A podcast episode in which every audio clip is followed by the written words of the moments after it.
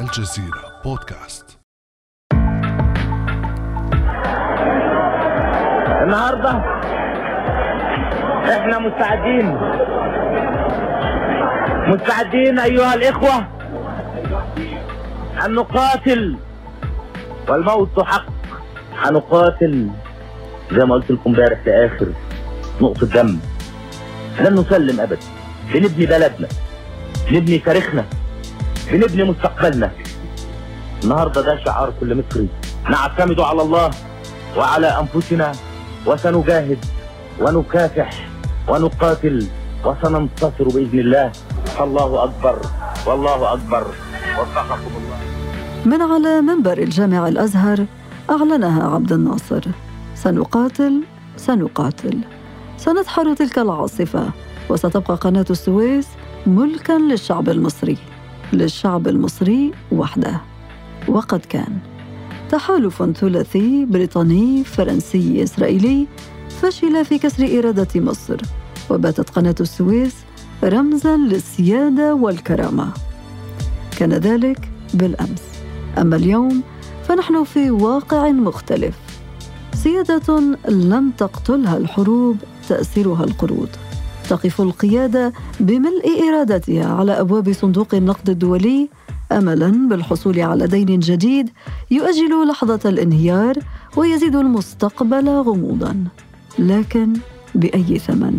ما هي شروط المؤسسات المالية الدولية لإنقاذ اقتصاد مصر؟ وفي أي واقع ستعيش الأجيال القادمة في مصر جراء تلك القروض والشروط؟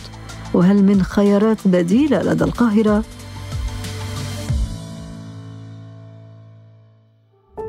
بعد أمس من الجزيرة بودكاست أنا أمال العريسي.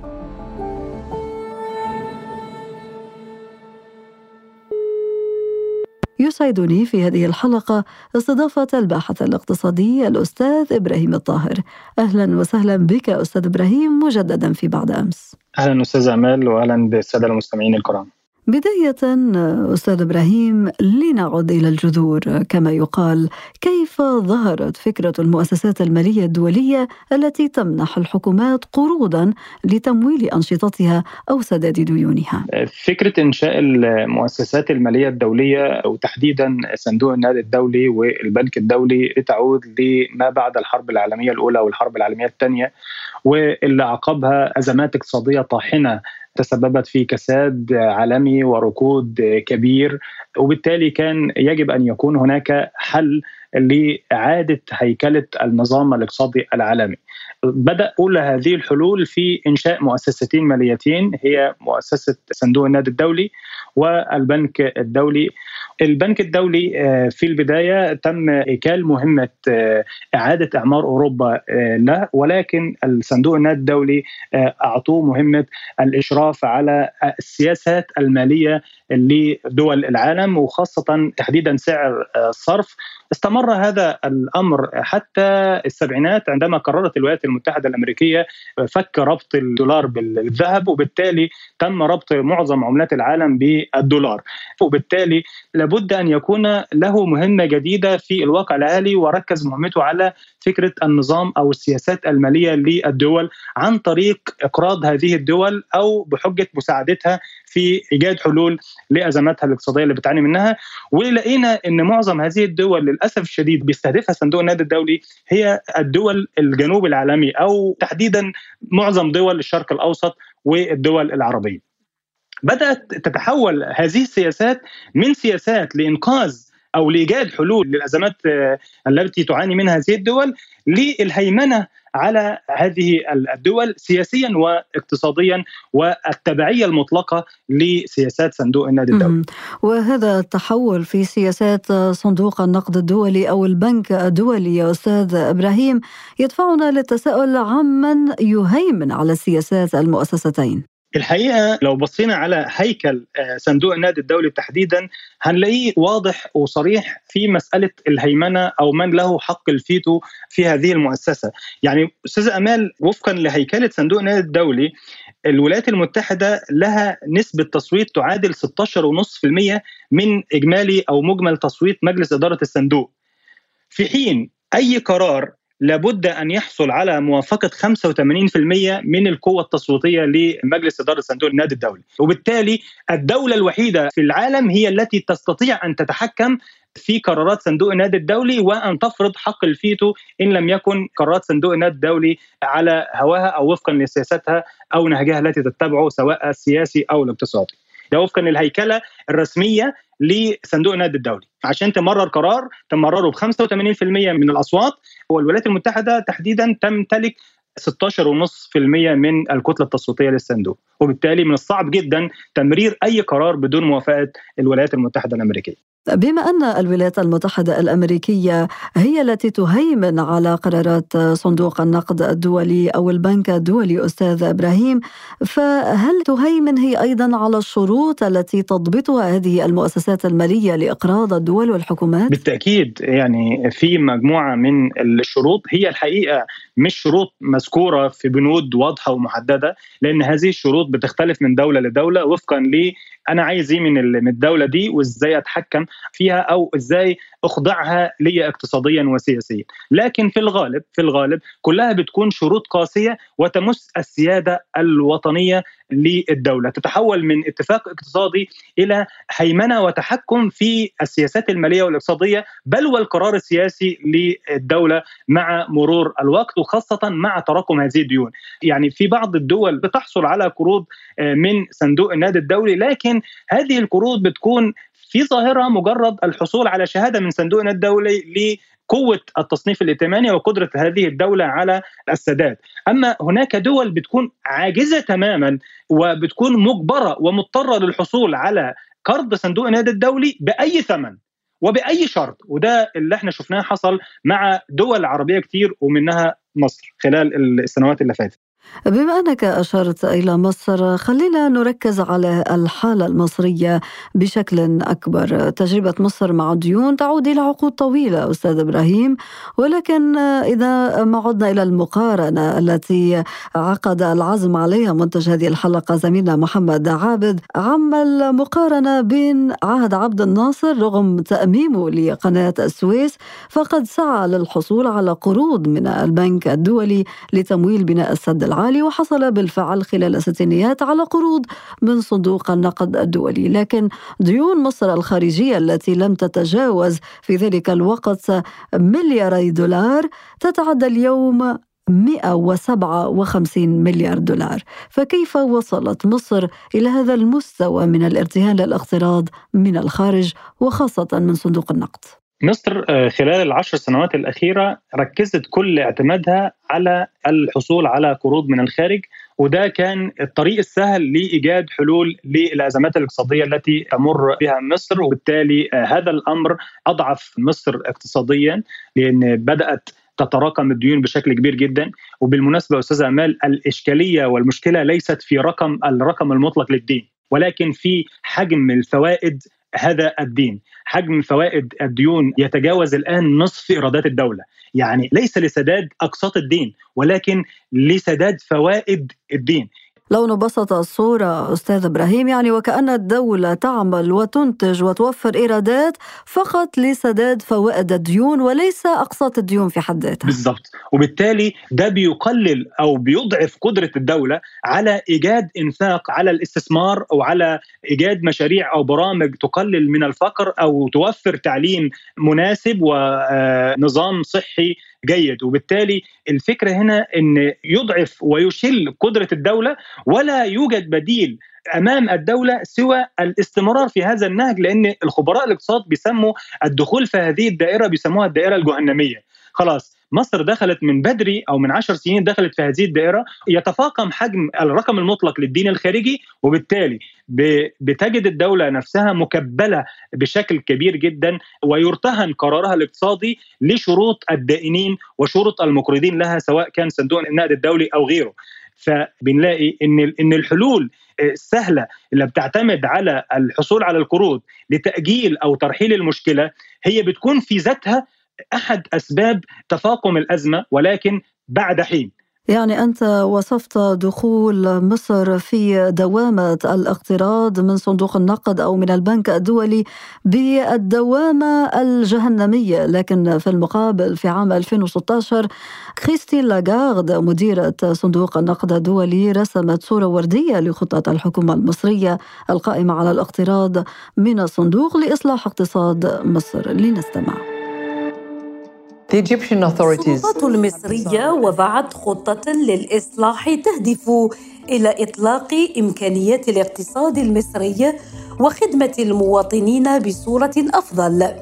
يود صندوق النقد الدولي مساندة هذه الخطة ولذلك وافق مجلسه التنفيذي على قرض لمصر بقيمة 12 مليار دولار. هذه الإصلاحات تشكل جزءاً من حزمة دقيقة وضعتها مصر لإنعاش النمو والتأكد من تحقيق تغييرات مستدامة. صندوق النقد الدولي والمجتمع الدولي على أتم الاستعداد لخوض هذه الرحلة من الإصلاحات مع الشعب المصري والسلطات المصرية ونحن نتطلع إلى نجاحها. يبدو أن هذه الرحلة التي أشارت إليها كريستين لاغارد أستاذ إبراهيم غير مؤدية ست سنوات مرت على هذا الحديث المفعم بالإيجابية وما زالت القاهرة تطرق أبواب صندوق النقد الدولي فأين المشكلة؟ في الحقيقة أستاذ أمان أنا بشكر حضرتك وبشكر فريق البرنامج على تذكيرنا بخطاب جرد بخصوص مصر لأن دي فيها إشارة مهمة جدا ما بين هذا الوقت في 2016 2017 والواقع الذي نعيشه. خلال الفترة القصيرة دي إحنا أمام تجربة يشيد بها صندوق النادي الدولي وتلقف هذا الخطاب تلقفه الإعلام المصري ويعني عمل عليه حفلة كبيرة جدا على إن مصر خلاص تجاوزت الأزمة ومصر عبرت وبعد أقل من خمس سنوات نجد أن مصر غرقت أكثر وبدل ما كان تواجه أزمة أصبحت تواجه ألف أزمة. الحقيقة ده بيؤكد ما ذكرناه سابقا من أن صندوق النقد الدولي لم يشيد في ذلك الوقت بالاقتصاد المصري ولا بقدرته على الخروج من أزماته الاقتصادية بل بتجربة صندوق النقد الدولي مع النظام المصري. وبالتالي ترويج هذا الأمر لأن كان في الوقت ده أو عادة السيرة الذاتية لصندوق النادي الدولي مع الدول هي سلبية للغاية. وكان أبرز هذه العلامات الواضحة للسيناريو السيء أو الشك في صندوق النقد الدولي هو حدوث قلاقل اجتماعيه واحتجاجات شعبية بعد تنفيذ شروط صندوق النقد الدولي لأن هي عادة بتأتي على الفقراء أكثر من الأغنياء وبالتالي بطبيعة الحال في كل دولة دخل فيها صندوق النقد الدولي حصل هذه الاحتجاجات الشعبية. تجربة الصندوق مع مصر في 2016 لم يحدث هذه الاحتجاجات لأسباب أمنية وليست اقتصادية. وبالتالي تلقف هذا الصندوق هذه التجربة وأراد أن يشيد بها لتبييض سمعته عالميا وليس للاشاده بالاقتصاد المصري. والوضع الاقتصادي في مصر كما ذكرنا يمر بأزمة خانقة جدا تزامنت مع تخفيض قيمة الجنيه وكذلك متأثر ببقية الأوضاع على مستوى العالم سواء منها تداعيات رفع الفائدة في الولايات المتحدة وكذلك تداعيات الحرب الأوكرانية وغيرها من العوامل العالمية والداخلية في مصر. نتساءل هنا أيضا أستاذ إبراهيم عن الشروط الإضافية التي من المتوقع أن يفرضها صندوق النقد الدولي على مصر لمنحها المزيد من القروض خاصة كما ذكرت أن الآن الحديث يدور حول خمسة آه، مليار دولار في حين كان الحديث في السابق عن مبالغ كبيرة. الحديث الآن عن مجموعة من الشروط القاسية جدا لدرجة إن الحكومة المصرية أو النظام المصري يعني غير قادر رغم قدرته على تنفيذ شروط البرنامج السابق أو القرض السابق إلا إن هو عاجز الآن عن الاستمرار في تلبية هذه الشروط. من ضمن هذه الشروط التي يتم الحديث عنها وفقا لمصادر مطلعة على مفاوضات الجارية بين صندوق النقد الدولي والحكومة المصرية هي اللي في الأساس واحد توسيع مشاركة القطاع الخاص في مصر وتحديدا تقليل مساحة أو مشاركة مؤسسات السيادية ومنها الجيش المصري في الاقتصاد المصري وكذلك تخفيض مزيد من تخفيض قيمة الجنيه المصري قدام العملات الأجنبية والقرار التي بدأت بالفعل مصر في تنفيذه وهو بيع أصول الدولة أو ممتلكات الدولة للقطاع الخاص في ظاهره لتوسيع المشاركة القطاع الخاص على أمل إن هذا يحدث انتعاشه لمصر. ولكن التجارب التاريخيه لمصر بتقول إن يعني هذا الأمر لن يحدث لأن هناك إشكاليات هيكلية يعاني منها الاقتصاد المصري محتاجة إلى إعادة هيكلة شاملة وليس مجرد عمليات بيع. شروط بالفعل قاسية جدا في ظل الوضع الاقتصادي الذي تمر به مصر. وهنا أريد أن أستفسر منك أمرا أستاذ إبراهيم. هو هل من الوارد أن يغير صندوق النقد الدولي شروطه بالأخذ بعين الاعتبار المتغيرات العالمية؟ هنا أشير إلى ورقة حصرية لرويترز كشفت فيها نقلا عن مصادر وصفتها بالمطلعة عن أن صندوق النقد الدولي يبحث عن سبل لتوفير تمويل طارئ للدول التي تواجه صدمات أسعار الغذاء بسبب الحرب الجارية في أوكرانيا. أوكرانيا بما يتيح للصندوق مساعدة هذه الدول من دون فرض الشروط المطلوبة في برامج التمويل العادية. طبعا الموضوع ما زال تحت الدرس حسب ما أوردته رويترز. نعم هذا حدث في الأزمات الاقتصادية أو التداعيات الاقتصادية اللي حدثت بعد تفشي وباء كورونا وحدث أيضا في بداية الأزمات الاقتصادية اللي حدثت بعد اندلاع الحرب الروسية الأوكرانية والآن نحن نتحدث على أزمات غذاء وبالتالي تجربة صندوق النقد الدولي في مثل هذه الأزمات هو بيتدخل ولكن هي الإشكالية هنا ليست في هذا القرض ولكن في قيمة القرض. يعني أنا صندوق النقد الدولي هيديني كام؟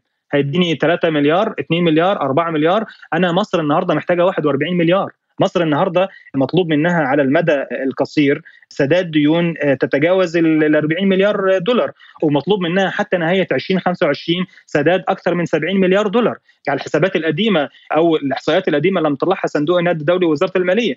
ربما تتفاقم هذه الأرقام مع الحصول على قروض جديدة خاصة إن يعني الأرقام المتداولة حول هيكلية أو مكونات الدين العام أو الدين الخارجي لمصر تحديدا بتكون غير دقيقة.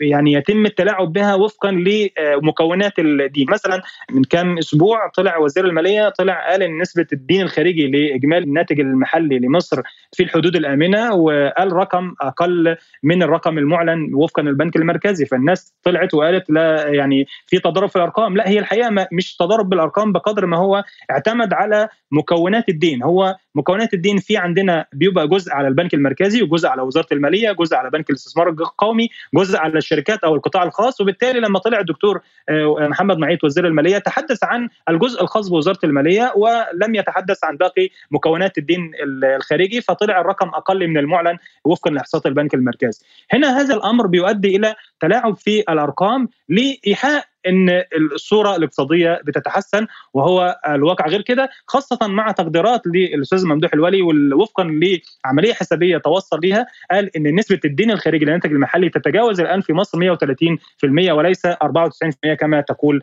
وزارة المالية. 130% وهذا طبعا رقم كبير نسبة كبيرة جدا مقارنة بالناتج المحلي الداخلي في مصر. أستاذ إبراهيم ماذا لو فشلت مصر في سداد هذه الديون؟ مصر قبل 150 عام أعتقد تخلفت عن سداد ديونها وبالتالي فرض الدائنين أو المقرضين تخفيف الديون مقابل التحكم في قناة السويس ووفقا للمقدمة اللي حضرتك ذكرتيها عن قناة السويس إحنا بنتكلم النهارده في الوقت اللي كانت ديون الديون الخارجية لمصر كانت قبل أكثر من 150 عام مدخل للاحتلال البريطاني لمصر فهي كانت في بداية حقبة عبد الناصر تأميم القناة كان دلالة واضحة على السيادة أو عودة السيادة. ولكن هذا الأمر أستاذة أمال النهارده بنتكلم عن إعلان من الأسبوع الماضي لرئيس هيئة قناة السويس بأن هو سيقوم بطرح عدد من الشركات التابعة للقناة في البورصة المصرية وبالتالي معنى ذلك إن هي خصخصت أو بيع جزء من هذه آه، الشركات. بالتالي هذا يعود بنا إلى ما قبل أكثر من 150 عاما إن الديون كانت مدخل للتحكم في السيادة المصرية عبر التحكم في قناة السويس. نتمنى الا تصل مصر إلى هذه المرحلة ونتمنى أن أن يجد النظام المصري حل عاجل وسريع لتفادي هذه المسألة. طيب ما هي الخيارات البديلة أمام صانع القرار في مصر؟ أي حلول بدون وضع خطة شاملة لتنمية أو تشجيع الاستثمار الأجنبي وزيادة الصادرات وزيادة الإنتاج وتوسيع المساحات المزروعة في مصر وتشجيع الزراعة في مصر فهتكون يعني هي كلها خطط لترحيل أو تأجيل الأزمات. وكما ذكرت في البداية إذا أجلنا الأزمة في الوقت الحالي أو رحلناها فتتولد بعد كده غيرها ألف أزمة أخرى هل هناك خيارات أخرى؟ نعم الخيارات الأخرى هي خيارات لجوء مصر لحلفائها الاستراتيجيين وخاصة دول الخليج العربي وبالتالي فتح الباب للاستثمارات الخليجية ولكن الاستثمارات الاستثمارات الخليجية المنتجة وليس الاستحواذات. النقطة المهمة جدا والأساسية وهي أن تتوقف مصر وبصورة عاجلة وسريعة عن ضخ أموال أو مليارات الدولارات في مشاريع غير منتجة وأن تركز أو تحول دفة هذه الأموال إلى مشاريع منتجة توفر فرص عمل وتساعد على والكف بقى عن مشاريع أو بلاش الكف على الأقل تأجيل هذه المشاريع التي لا تدر عوائد على الاقتصاد المصري بالإضافة إن أن تضرب الحكومة المثال وتبدأ بعملية تقشف حكومي على المصاريف أو النفقات الحكومية وليس عملية تقشف على المواطنين. الباحث الاقتصادي الأستاذ إبراهيم طاهر شكرا جزيلا لك على كل هذه المعلومات والتوضيحات المهمة. شكرا أستاذ أمال وتحياتي لحضرتك وللسادة المستمعين. كان هذا بعد أمس.